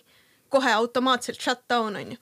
Versus siis see, et, et, et ma vähemalt proovin, ma kasvõi vähemalt proovin kaasa minna selle mõttega, et, et mis mul selle vastu on või ei ole, sellepärast et tahes või tahtmata asjad, mida me ei ole proovinud, asjad, mis meil on võõrad, alguses tekib selline võ, täpselt seesama võõristusmoment on ju, et mhm. ma ei tea ja siis teen midagi veidrat ja siis ma ütlen midagi veidrat ja ma ei taha, piinlik on ja paha on ja ebamugav on ja, ja just seesama, et aga, aga ma proovin mm. -hmm et, et ma võtan kasvõi selle julguse kokku ja ma vaatan, ma proovin, ma üritan olla avatud. üks ähm väljend jälle inglisekeelne, mis äh, kliinilise seksoloogia aastakonverentsilt tuli minuni, ma enne ei olnud seda kuul-, kuulanud, aga see kõlab jube hästi, on see, et don't uh, yuck on my yum. ehk siis, et, et ära mõista hukka teise inimese võib-olla selliseid südamesoove, on ju. just aga väga hea ütlus. on ju, don't yuck on my yum see jäi kuidagi minuga ka. et lihtsalt sellepärast, et sulle ei meeldi, ei tähenda seda, et sul on õigus seda maha teha või, või, või noh, täpselt sama, et kui partner ütleb ja toob välja mingi fantaasia või soovi, mis tal on ja sulle käib see nagu mm,, et, et, et lihtsalt sellepärast, et see sulle ei sobi, ei tähenda, et see on mingi jaki vastik asi, onju. Noh, ja, ja, ja mulle tundub, et sealt algab ka kogu see moraalne diskursus seks, seksuaalsusega seoses on ju. et lihtsalt sellepärast, et noh, mingitele inimestele ja tõenäoliselt sellisele enamusele tundusid mingid asjad veidrad, siis hakatigi jakkima teiste inimeste jamme on ju. noh, just selle mõttega, et äh, kuna minul ei ole olnud selliseid soove ja tahtmisi, järelikult need on valed mm kuidas religioon selle kõigega seostub, mis sa praegu räägid, et see, mis on õige, mis on vale ja mis on jakk, eks ole, mõndades religioonides on ju täiesti seksuaalakti kaupa eristatud, mis on okei okay ja mis ei ole. Äh, kuidas see seksoloogias tõlgendub, kas te tegelete selle uurimisega ja kas see sinu igapäevatöös ka väljendub kuidagi? Otseselt äh, praegu uurimisse ma ei ole seda kaasanud, aga mm, näiteks Ameerikas on tunduvalt rohkem seda uuritud just sellepärast, et seal ka religioon ja just äh, kristlus oma erinevates vormides äh, mängib tunduvalt suuremat rolli kui näiteks Eestis. no me oleme paganad ikka jah just, et äh, aga samas äh, oma kliinilises töös, eks ma ikka olen, ikka olen näinud seda, sellepärast et noh, mitte isegi ainult see selline mm, hukkamõist selle osas, et on justkui jälle mingi üks õige seks, on ju noh, ja, ja, ja siis teatavates religioonides loomulikult mitte, mitte kõigis ja kogu aeg on see, et noh, et õige seks on see, mis on laste saamiseks on ju. et äh, noh, teine diskursus, mis väga tihti kaasa käib või selline arusaam äh, seksist on, on noh, inglise keeles jälle sihuke ja, ja nüüd me jõuame ikkagi sinna, et ega ei ole väga palju sõnu ikkagi eesti no. keeles on ju on see purity culture ehk mm, -hmm. siis seesama, et ma pean hoidma oma sellist neitsilikkust, et, et ma pean jääma puhtaks mm ja, ja, ja, ja, ja hoiduma seksist on ju, kuni, kuni ma abiellun kellegagi, kuna, kuni luuakse püha liit ja, ja siis see on okei okay. ja noh, mida me näeme jälle eriti Ameerikast, mis võib juhtuda, loomulikult see ei juhtu kõigil, aga, aga on see, et kui mul on nii sügavalt sisse juurdunud ja juurutatud see arusaam seksist kui millestki räpasest, siis lihtsalt sellepärast, et ma abiellun, ei käi klõpsu mu peas mm, -hmm. mis ütleb, et aa, nüüd on okei okay. mm. -hmm. vaid võib juhtuda see, et ma tunnen ennast ikka väga räpasena. kuigi ma justkui teen kõike õigesti, onju, aga kui ma olen kogu aeg kasvanud arusaamaga ja, ja noh, see ei ole ainult religioonisisene onju mm. -hmm. kui ma olen üldiselt kasvanud arusaamaga, et seks on mingi rõve, vastik, räpane asi, siis ma võin ennast tunda peale seksi kui rõve, vastik räpane asi. kuigi oled ju leidnud oma hingesugulase, lõpuks ometi saanud astuda päris liitu, mida kõik aktsepteerivad. aga siis ikkagi ei toimu mm. -hmm ja, ja samamoodi on ju välja, jälle väljaspool religiooni, sest ma ei taha jälle noh, kuidagi näidata, et oo, religioon on see üks -hmm. paha ja kui religioon on hävinud, siis on kõigil seksuaalselt hästi. ei, see asi on pigem hoiakutes kui, kui religioonis endas ja, ja pigem uskumustes. et, et, et samamoodi täpselt noh, mida ma kasvõi näen igapäevaelus on rohkem isegi see, et aga kui ma leian selle õige partneri ja kui me päriselt armastame üksteist, siis seks tuleb iseenesest. võib juhtuda, ei pruugi juhtuda. ehk siis armastus ise ei pruugi luua sellist seksuaalset sobivust ja, ja noh, ja siin jälle see, et kas üldse selline seksuaalne sobivus kui mingi kivisse raiutud asi on olemas või, või ongi täpselt see, et noh, vahel lähebki aega selleks, et me tutvume üksteisega, saame aru üksteise seksuaalsetest soovidest, vajadustest, eelistustest, õpime navigeerima seda kõike. võib-olla ka õpime midagi iseenda ja oma iha kohta. aga tuleme selle iha uuringu juurde mm.. kuidas sa uurid iha teadlasena? Mm. võid ju klemmid panna külge ja mis see oli, Masterson ja Masterson oli see. Masterson Johnson jah. ja, ja, ja sorry. ja äh, ei, mina kahjuks äh, klemme praegusel hetkel kellelegi külge ei pane. kuigi iialgi ei tahaks öelda iial ähm,. aga mida, mida ja kuidas meie tegime, oli siis see, et ähm, me lasimegi lihtsalt inimestel ette kujutada mingit stsenaariumit täiesti ähm, omal ajal keegi ei kontrollinud, keegi ei vaadanud pealt, et ikkagi kujutatakse ette. ja siis me mõõtsimegi seda, et milline oli iha enne ja milline oli iha, iha pärast. ja noh, me lasime ka inimestel siis kirjutada natukene selle kohta, et mida nad ette kujutasid äh,, mis nende peas toimus sellel ajal ja, ja, ja siis nägime jah seda, et, et noh, ootuspärane oli see, et kui inimene seksuaalselt fantaseerib, jah, iha tõuseb, onju. noh, selles mõttes, et ma arvan, et see ei ole kellelegi mingi šokeeriv äh, äh, uus teadmine. küll aga, aga mis oli hästi põnev, oli tõesti näha seda, et äh, et, et iga põhimõtteliselt ei mänginud mitte mingit rolli selles, kui palju äh, inimeste ihatase tõusis mm. -hmm. nii et äh, meil on mõelda nii mõndagi inimese elukaare kohta võib-olla ümber jah mm -hmm.? absoluutselt, sellepärast et noh, mida me näeme hästi palju teadustööst on see, et ähm, jällegi, kui me räägime sellistest hoiakutest ja, ja arusaamadest, siis äh, ühiskondlikul tasandil ähm, pigem vananedes me hakkame nägema inimesi aseksuaalsetena onju mm.. noh, sama me näeme inimeste kohta, kellel näiteks äh, on äh, eriti füüsiliselt äh, mingid erivajadused, puuded ja nii edasi onju, et kui sa, kui sa välimuselt ei näe mingit teatud tüüpi välja, siis mm, sa oled aseksuaalne mm., sest et sul on midagi ju viga mm. ilmselgelt. et ja, ja, ja mida me näeme, on see, et vananedes ka inimesed ise võtavad selle hästi omaks. selle, et, et et äh, ja kaobki ära ja ongi nii ja ei olegi vaja sinna midagi teha ja, ja, ja, ja väga tihti, mis võib hakata juhtuma, on see, et inimesed siis ka ei otsi tegelikult mingit abi või tuge. sellepärast, et arusaadavalt muutubki seksuaalsus, muutub näiteks siis, kui inimesed saavad lapsi ja see ei ole üldse kuuekümnendates on ju. et, et, et laste saamine näiteks on väga suur muutus ja vägagi protsess, millega peab kohanema ka, ka seksuaalses mõttes partneritena, see vajab päris palju kohanemist samamoodi vananedes, sellepärast et noh, tõenäoliselt ongi ka rohkem haigusi, rohkem ravimeid, rohkem kõrvalmõjusid, rohkem kõike seda. ja, ja ka keha ei ole enam sama, mis oli kahekümnesel, kolmekümnesel on ju, arusaadav aga nüüd, mis on, on see, et kasvõi see, kuidas me mõõdame inimese seksuaalset funktsioneerimist, ei võta arvesse neid erinevusi. ja, ja, ja, ja kui sa nüüd ootad oma kehalt, et ta funktsioneeriks sel-, seda ühte õiget seksi moodi, on ju, siis loomulikult ta ei tee seda. aga mida me näeme uuringutest, on see, et kui toetatakse vananedes inimeste puhul seda, et nad saavad käituda seksuaalselt nii, nagu nende kehale kohane on. Noh, see võib tähendada seda, et näiteks inimesed, kellel on veresoon, südame-veresoonkonna probleemid, neil ei pruugigi tekkida erektsiooni.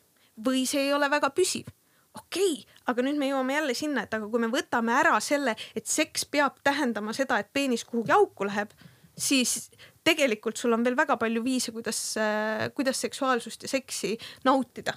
Ja see on hästi huvitav tähelepanek, sest mina lugesin äh, just ähm, äh,, ma ei mäletagi, kas see oli rühmitus või mingi MTÜ, aga Austraalias on tekkinud kogukond äh, viiskümmend pluss naisi, kes on öelnud, et nemad ei kavatse enam mitte kunagi seksida. ja nende see nii-öelda manifest seal Mamma Mia nimelises ajakirjas siis oli, oli sisuliselt jah, keerles hästi selle penetratiivse ja oraalseksi ümber, et umbes niimoodi, et nüüd, kus ma olen saanud äh, lahutatud, lapsed suureks kasvatatud, ma ei pea enam suhu võtma ja ma ei Just. pea enam seda lay back and think of England mängu mängima. Ja, ja see juba see manifest ütleb mulle, et lähenemine seksile oli rohkem, see on midagi, mida ma pean andma, kui, kui selline koostöö, leiame koos viise, mis meile meeldib, vaid ongi pigem see, et ma olen nüüd kirjutanud alla sellele, et ma ei tee enam midagi, mida ma ei taha teha. Mm.. ja need on kaks täiesti erinevat lähenemist, on ju. ehk kui me võtamegi selle, et seks peab käima mingit moodi ja see ongi kohustus, on ju, siis loomulikult ma tahan sellest ruttu lahti saada, eriti kui see ei ole midagi, mis mulle meeldib. Mm.. aga kui me nüüd lähemegi sinnapoole, et väljaspool oraalseksi ja penetratiivset seksi on veel nii tohutult palju ägedaid asju, mida saab teha, siis, siis noh, lihtsalt sellepärast, et me ütleme, et me mingeid asju teha ei taha, mis võib-olla ongi see, et noh, et me võtame arvesse jälle, et on menopaus on ju, seks võibki noh, just penetratiivne seks võibki olla, võib-olla enam mitte nii meeldiv, võib-olla valulisem, sellepärast et lubrikatsiooni on vähem, sellepärast et tupeseinad on võib-olla natukene õhemad on ju ja nii edasi noh, aga jällegi see ei ole ainus asi, mida teha saab.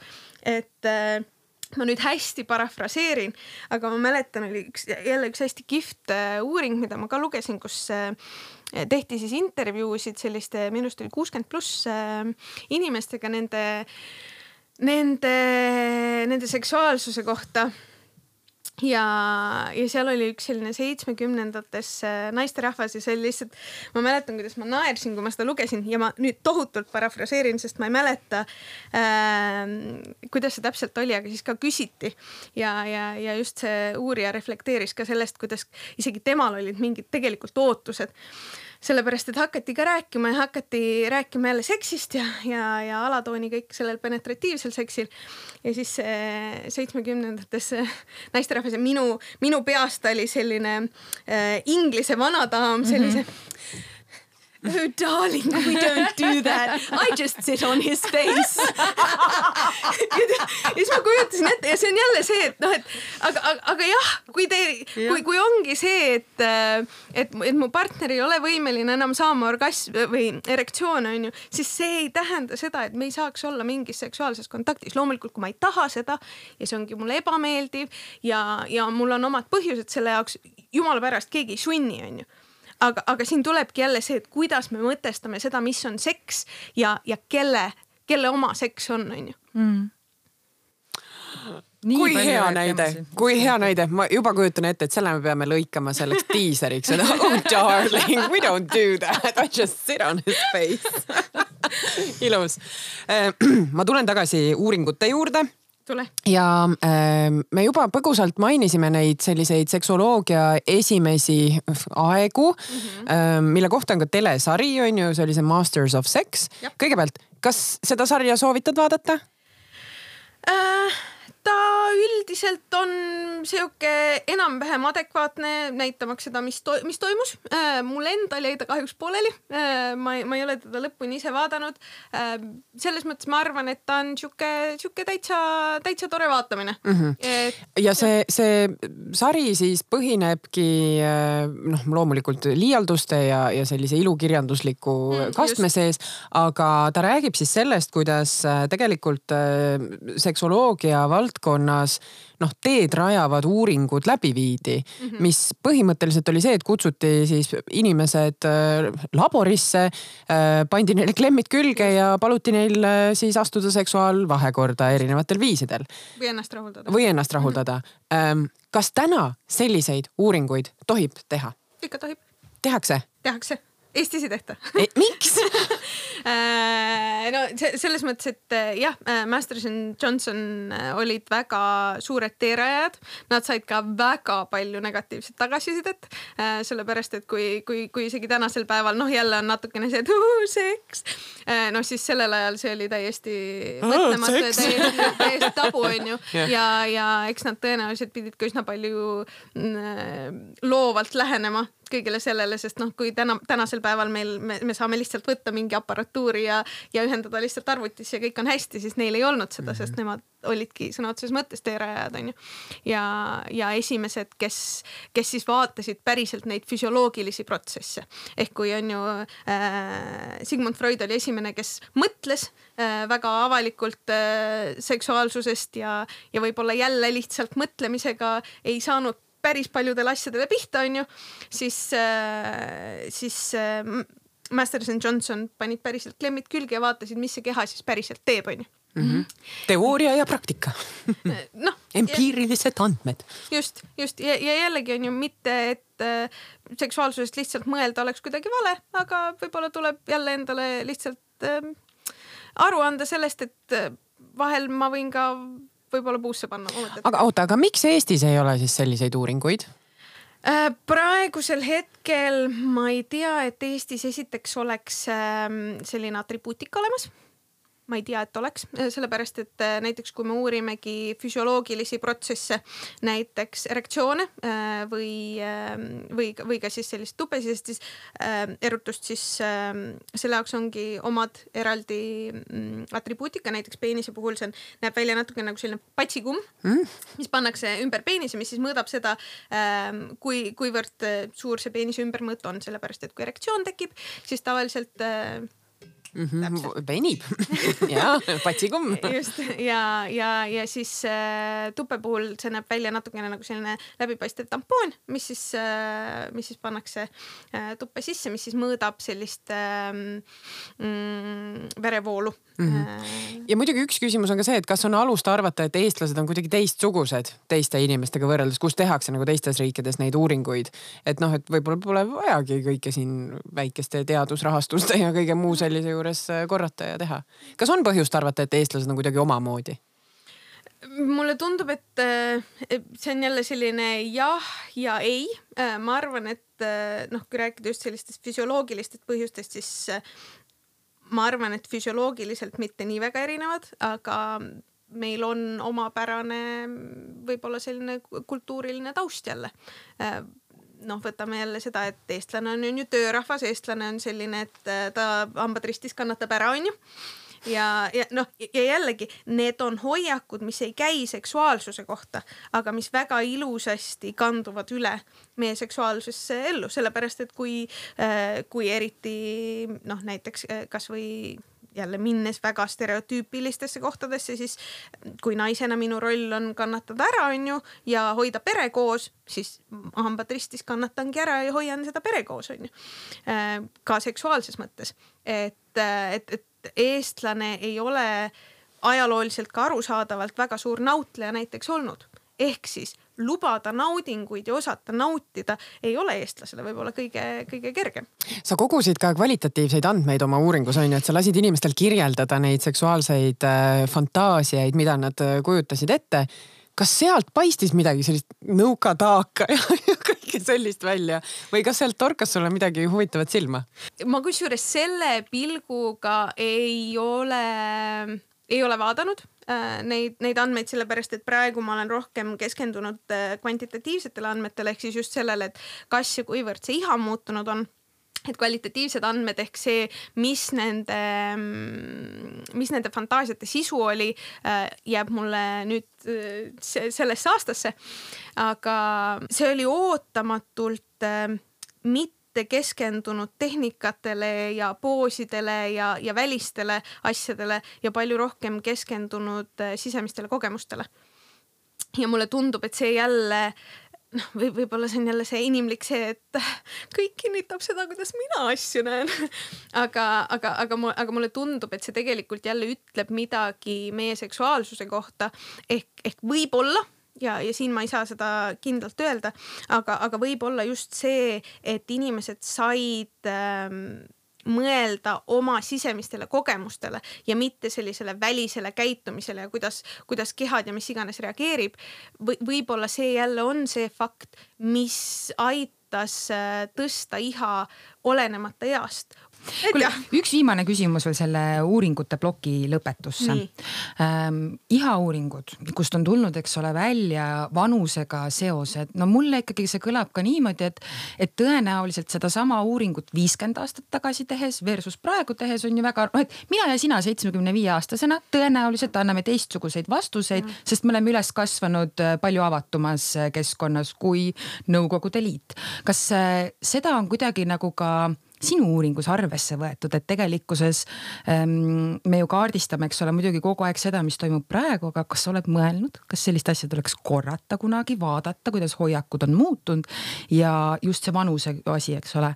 ja et juhul, kui on plaanis korrata, mis sa arvad ähm, mis ajavahemiku järel me näeksime, et nüüd meil on nagu uued seitsmekümne viie aastased, nüüd meil on need uh, come on darling, we don't do that, I just sit on his face on ju, et kui kiiresti need hoiakud seksuaalsuse osas muutuvad?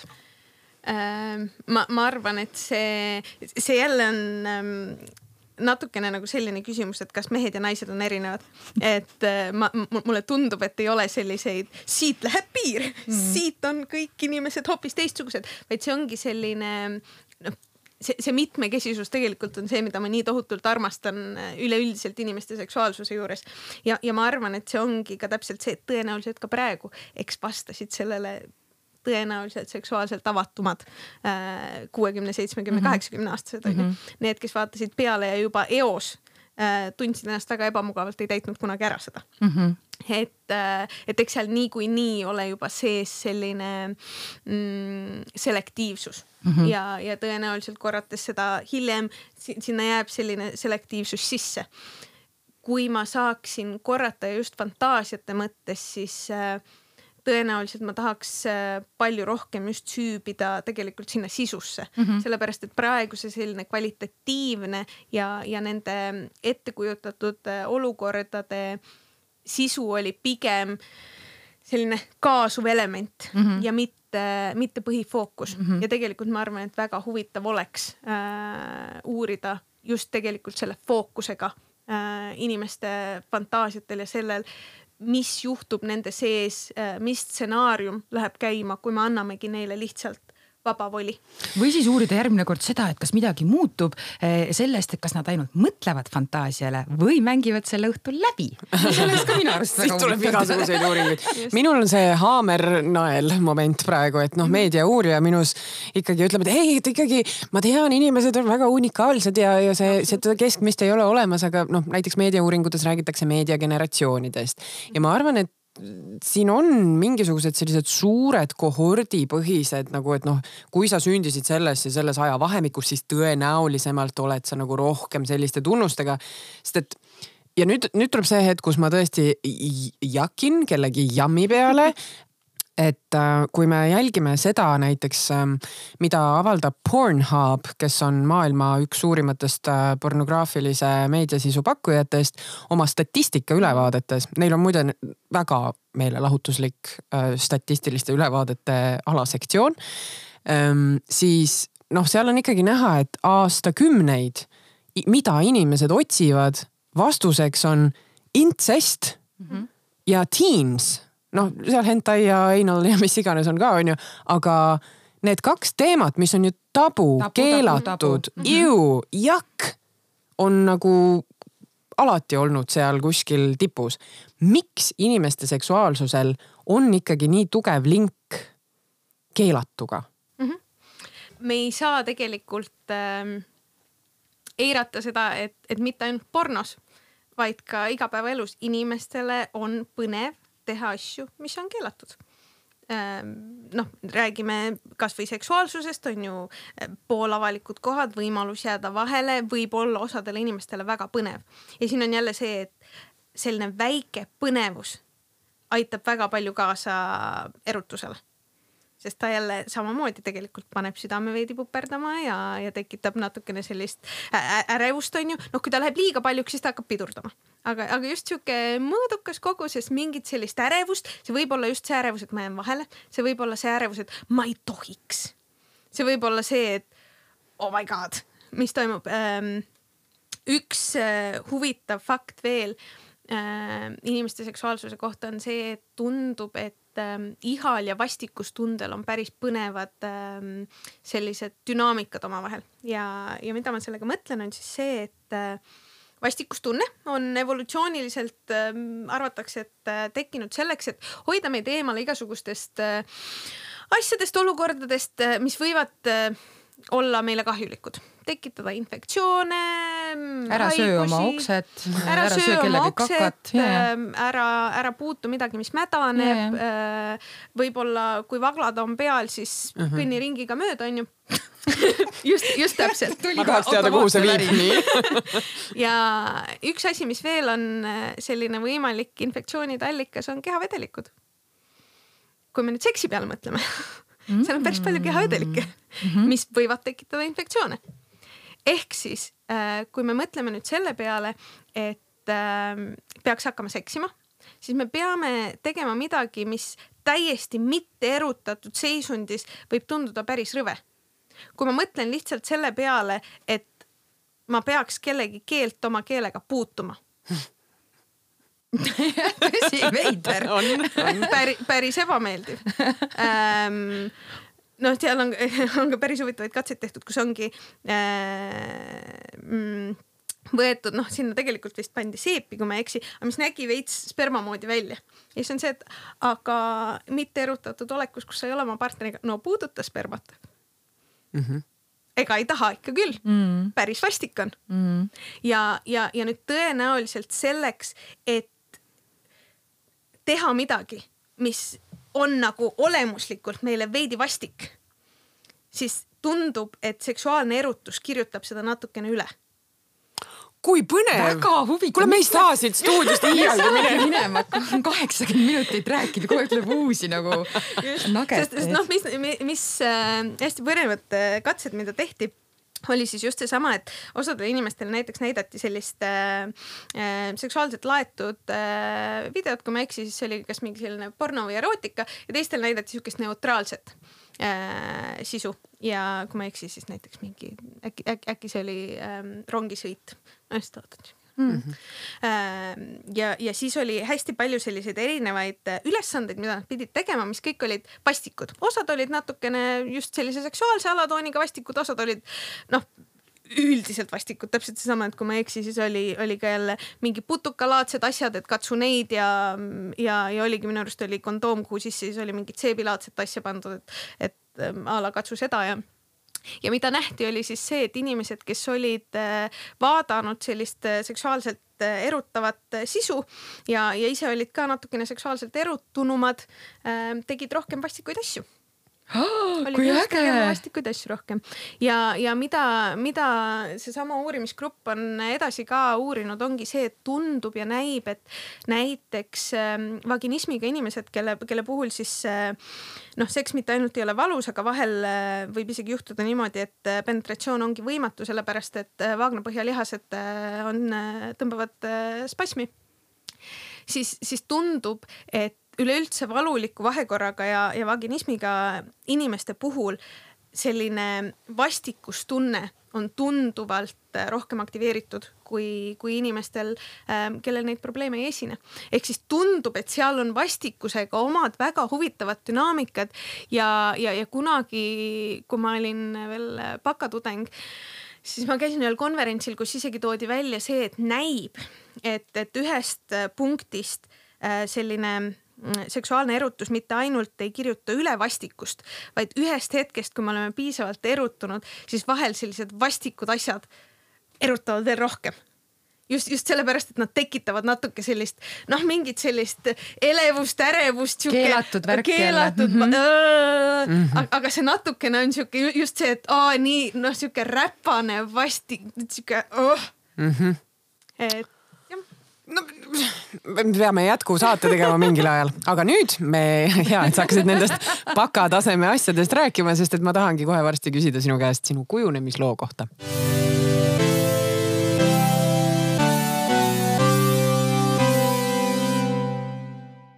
Annika, räägi meile natukene sellest, et kuidas sa üldse jõudsid nende teemade juurde, sest noh, me ei saa ikkagi peita, me oleme elevil sellest saatest, see teema on selline oh, oh, natuke sihuke oh, elevust tekitav, kindlasti palju äratundmispunkte või siis ka üllatusmomente. et äh, aga see ei ole tavaline teema. Ma tahaksin teada, kuidas sa näiteks mõeldes, et huu, kes minust küll võiks saada tulevikus. kuidas sa nagu siia jõudsid vahepealse teega? mul, mul on äh, hästi põnev olnud pidada, pidada vestlusi mm, inimestega teemal, ähm, kas ja kes ja millal teadis, kes neist, kes neist saab ja no ilmselgelt ma ei olnud kuuene, kui ma teadsin, et minust seksoloog saab. Äh, küll aga, küll aga ma olin umbes kuusteist kui ma teadsin täpselt, mis ja kes minust saab ja, ja kuhu suunas ma minema tahan hakata ja, ja, ja tegelikult see mul, mul tegelikult üsna tihti ka küsitakse nüüd, kui ma terapeut olen, sellist äh, klassikalist psühholoogide küsimust. et äh, noh, mitte ainult see, et äh, miks sa teed seda, mida sa teed, aga seal alati on see alatoon, et seal sul endal oli raudselt midagi viga ja siis sa tahtsid lihtsalt ennast parandada äh, ja tegelikult äh, mulle tundub, et minu puhul vist oli täpselt vastupidi. et äh, ma nägin, et ühiskonnal on midagi viga ja ma tahtsin hakata seda parandama. ehk siis mida ma sellega mõtlen, on see, et kui mul endal tekkisid esimesed päris kokkupuuted sellega, mida seks tähendab ja mida seksuaalsus tähendab, siis äh, ma hakkasin aru saama, et kõik see info, mis mulle kättesaadav oli, oli täiesti kasutu äh, ja, ja mida ma sellega mõtlen, on see, et äh, ma võin ju vaadata neid anatoomilisi jooniseid kusagil mm -hmm. bioloogiatunnis ja, ja kuulata mm, õpetajat, kes äh, annab mulle mingeid bioloogilisi teadmisi, aga mida ma teen sellega, ma, ma ei lõika oma partnerit pooleks, onju. ja siis ei hakka talle rääkima, et näe, siin on see ja see ja see. või, või siis teine asi, noh samamoodi pornoga onju, et jah, okei okay,, ma vaatan mingit asja ja jah, okei okay,, see ongi täiskasvanute meelelahutus onju, ta täidab oma, täidab oma rolli. aga, aga ta ei anna tegelikult arusaama sellest, mis seks päriselt ja sisuliselt on. Need emotsioonid, need segadused, need arusaamatused, see miks osad inimesed hakkavad kohe peale seksi naerma, miks on äh, niimoodi, et mul on vahepeal piinlik, miks on niimoodi, et vahepeal ma tunnen ennast äh, ebamugavalt, miks on noh ehk ma hakkasin kõiki neid küsimusi mitte ainult iseenda sees, aga, aga iseenda ümber nii palju nägema. ja, ja, ja ma sain aru, et keegi ei räägi nagu päris asjast ja, ja noh, võib-olla see on see, miks ma nii väga kogu aeg toonitan seda, et jah, okei okay,, kõik need tehnikad ja, ja nipid ja all right on ju, aga, aga see sisu. me peame sellest sisust rääkima, sest see on see, millest me väga pikalt ei ole rääkinud, on ju. noh, mulle, mulle endale väga meeldib see mm, tsitaat ühelt mu äh, magistriõppejõult, kes, kes tõi ka välja selle, et, et me oleme ajalooliselt kuidagi läinud ühest ekstreemsusest teise ehk oligi see aeg, kus on ju seks oli hästi keelatud, ei tohtinud ähm,, vaadati mööda, kõrvale, kõik oli hästi salastatud. Ja siis me justkui läksime sinna teise ekstreemsusesse, kus seksi pidi hästi palju, paljastama pidi kõike, noh, see oli selline kohustuslik. ja, ja oma sisult ta tegelikult on ikka täpselt seesama asi, ehk me kirjutame ette, kuidas peab või ei pea, kuidas võib või kuidas ei või ja, ja tegelikult keegi ikka ei vaata sinna sisse mm.. ust ei tee ikka keegi lahti, onju. ikka on mingi selline üks ja õige. ja, ja, ja mulle tundub, et ma ei tea, kust siis kuueteistaastasel tuli see nagu noh, selline läbinägelikkus just selle, selles suhtes, et äh, kindlasti on veel mingit infot, sellepärast et kindlasti ei anta meile või, või vähemalt mina ei osanud leida sellel hetkel kohta, kust ma saaksin adekvaatset infot ja siis ma võtsin oma elu missiooniks selle, et kui sellest ei räägita ja, ja, ja, ja seda kusagil ei ole kergesti kättesaadav, siis see peab eriti põnev olema. Ja, ja ma teen selle endale selgeks ja siis ma hakkan äh, nagu aitama kaasa sellele, et et, et päriselt need vestlused toimiksid, et päriselt inimesed saaksid seda infot ja, ja, ja, ja, ja sellel teekonnal ma siis nüüd kolmteist aastat olen käinud varsti, varsti rohkem kui, kui, kui pool oma elust. Ja, ja ma ei saaks öelda, et kuueteistaastaselt ma teadsin täpselt, et vot nii ja nii ja nii ja siis minust saab seksoloog vaid see on minu jaoks olnud väga selline üks samm korraga teekond. ehk siis, kui ma olin kusagil äh, Rakvere väikelinnas gümnaasiumis ja rääkisin inimestele, et minust saab kliiniline seksoloog, siis äh, õpetajad ei olnud alati väga õnnelikud. sinust saab strippar, see on see, mida sa tahad öelda. ei no, ei, aga, aga kui ma ütlesin, kusjuures kui ma ütlesin oma vanaemale, et ma lähen õppima seksuaal- ja reproduktiivtervise uuringuid, see oli nii armas, sest ma nägin ta näost, et ta täpselt ei saa aru, mida see, mida, mida see tähendab. ja, ja noh, ka sellest, et siis ta arglikult küsis, mida see tähendab. aga seal veidi oli nagu sellist, sellist ähm, näha natukene sellist, et kas sust saab sekstöötaja noh, natukene sihuke, et noh, et ma, ma otse ei küsi, aga palun ütle, et ei saa mm. -hmm. et, et, et just seesama, et, et jälle ei ole seda arusaama, onju et, et, et mida see kõik tähendab, mida see sisuliselt tähendab. Ja, ja, ja ega see, et ma ka psühholoogiasse läksin, oli põhimõtteliselt sellepärast, et ma kusagil õhtul guugeldasin, kuidas saada seksoloogiks, siis seal oli kirjas, et kõigepealt tee endale psühholoogia baas alla ja siis spetsialiseeru. Ja siis mul oli mingi selge, psühholoogiat saab Eestis, ma siis teen nii. ja, ja, ja sealt edasi see on olnud täpselt selline teekond, et mul on alati olnud ainult üks samm ette kuni, kuni selleni, et ähm, see väljaõpe, kus ma käisin, kliinilise seksoloogia väljaõpe, mina olen selle kooli teine lend.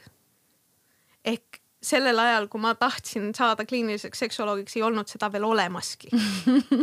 onju, et äh, jah, ja, ja niimoodi ma kuidagi erinevaid keerdkäike pidi äh, jõudsin täpselt sinna, kuhu, kuhu ma tahtsin jõuda, kus ma saan osakohaga teha klienditööd ja, ja päriselt äh,, päriselt aidata üks-ühele inimesi, kuulata nende lugusid, toetada, toetada nende kasvamist ja teisalt käia ja rääkida sellest, äh, mida ütleb meile teadus ähm,, mida me teame, õpetada psühholooge, õpetada juba, juba töötavaid psühholooge, aga ka, aga ka tudengeid ja see on miski, mis mind, äh, mis, mis mind nii tohutult kiretab ja noh, millega ma olen nüüdseks siis tegelenud jah, oma kolmteist aastat.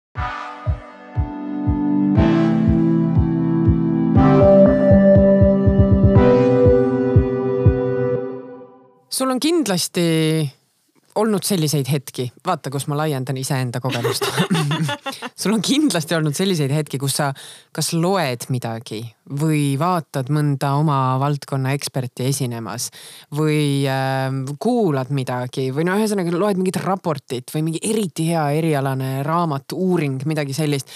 ja sul on no lihtsalt nii kadedaks ajab, et või noh, mitte kadedaks isegi, aga selliseks appi kui äge, miks? Ma ise selle peale ei ole mõelnud, kuidas küll nii geniaalse asja peale inimesed on tulnud?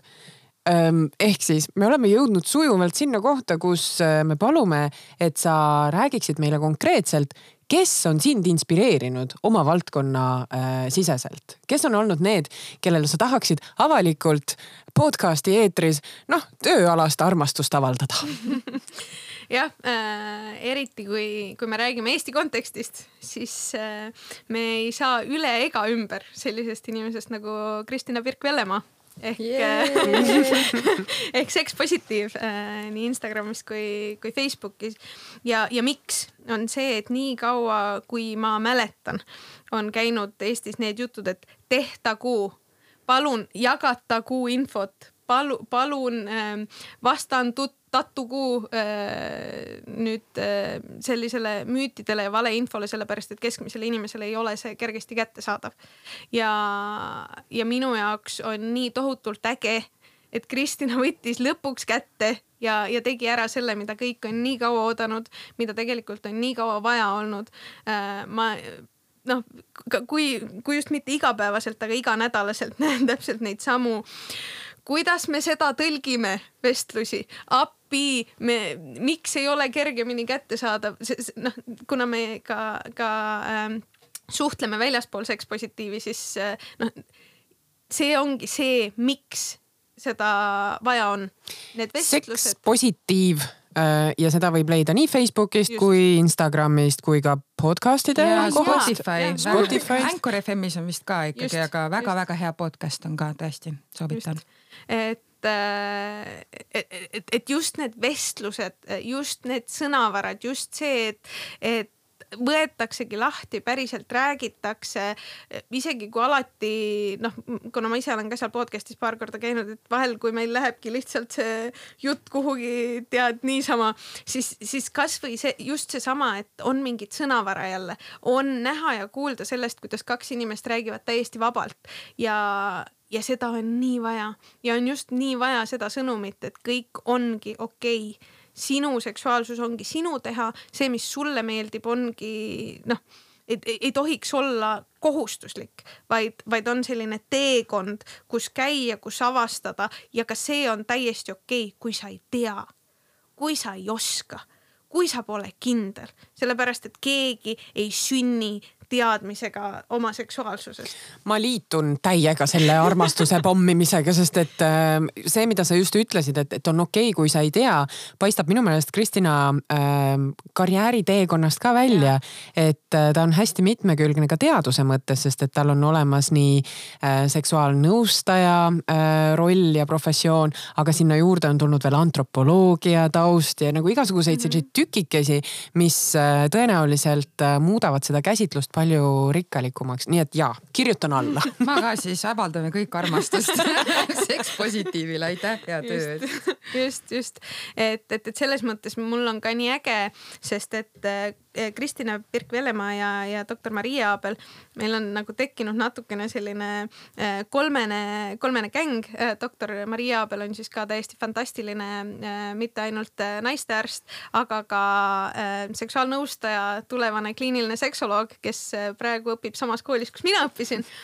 aga, aga, aga see kolmene punt on selles mõttes nagu nii tohutult äge, et ähm, just, just see tugi mis, mis meil omavahel on ja selline üksteise toetamine, just see, et ei ole mingit, sa võtad minu kliente ära, ma ei saa anda mingit infot sellepärast, et blablabla, vaid just see, et me päriselt südamest elame üksteisele kaasa ja me päriselt äh, täiendame üksteist nii hästi.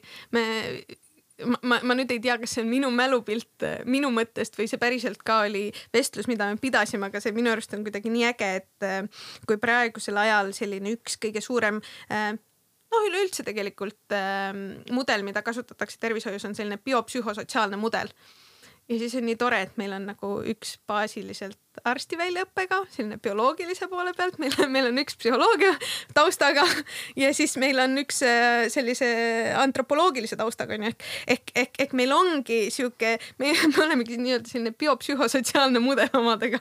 et see on, et see on nagu nii tore ja, ja just seesama, et, äh, et, et kui ma võtan seda, et mina tulin Eestisse alles tegelikult paar aastat tagasi.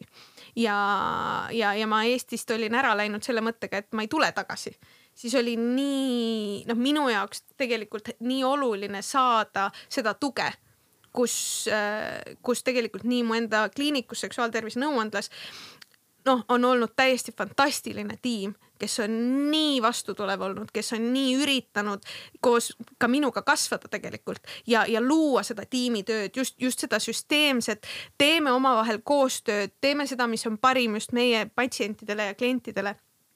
aga ka ju, just seesama kolmene tiim, et, et, et tunda, et,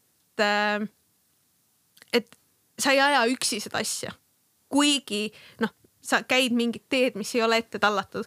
et selles mõttes see, see, seda armastust on, on, on jah ähm, hästi-hästi palju, sest ma olen seal kõige noorem ja, ja minu selline mul on nii naljakas, sellepärast et kui mina käisin gümnaasiumis ja, ja olin just bakasse sisse astunud, siis mul on mõlemaga neist eelnev kokkupuude, kus ma olin selline sinisilmne, tahaks teha ka seda, seda seksuaalse harimise asja ja väga huvitab ja sihuke sinisilmne ähm, ähm, ripsmed plaksumas.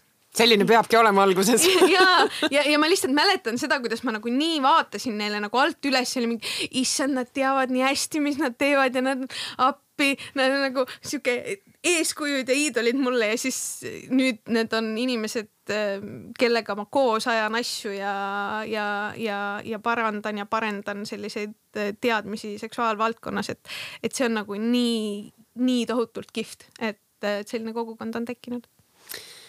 ma arvan, et selle armastusega me täna lõpetame. jah sest see on hea tunne, mille lainel edasi minna ja jaksata ja teha kõike, mida on veel vaja teha. -hmm. mis on esimene asi, äh, mis sa tahaksid ära lahendada nüüd kohe, kui sul oleksid mingid maagilised võimed, mille sa ära muudaksid? aga võib-olla ma teeks just vastupidist, et ma võtaksin lahendused ära. ma võtaksin selle õige seksi lahenduse ära ja, ja, ja võib-olla noh, kui midagi juurde peaks andma, siis just see mugavus ja julgus äh, mitte omada vastuseid, mitte omada õigeid vastuseid ja, ja, ja olla, olla avatud ja uudishimulik, mitte ainult iseendaga, ka oma partneri osas ja, või partnerite osas. ja, ja, ja võtta, võtta ära lahendused, vastused ja, ja ise ehitada äh, ülesse teadlane, ei ole midagi teha aitäh teile, head kuulajad, ma loodan, et äh, teil oli samamoodi niisama põnev kui meil oli, sest meil oli väga põnev.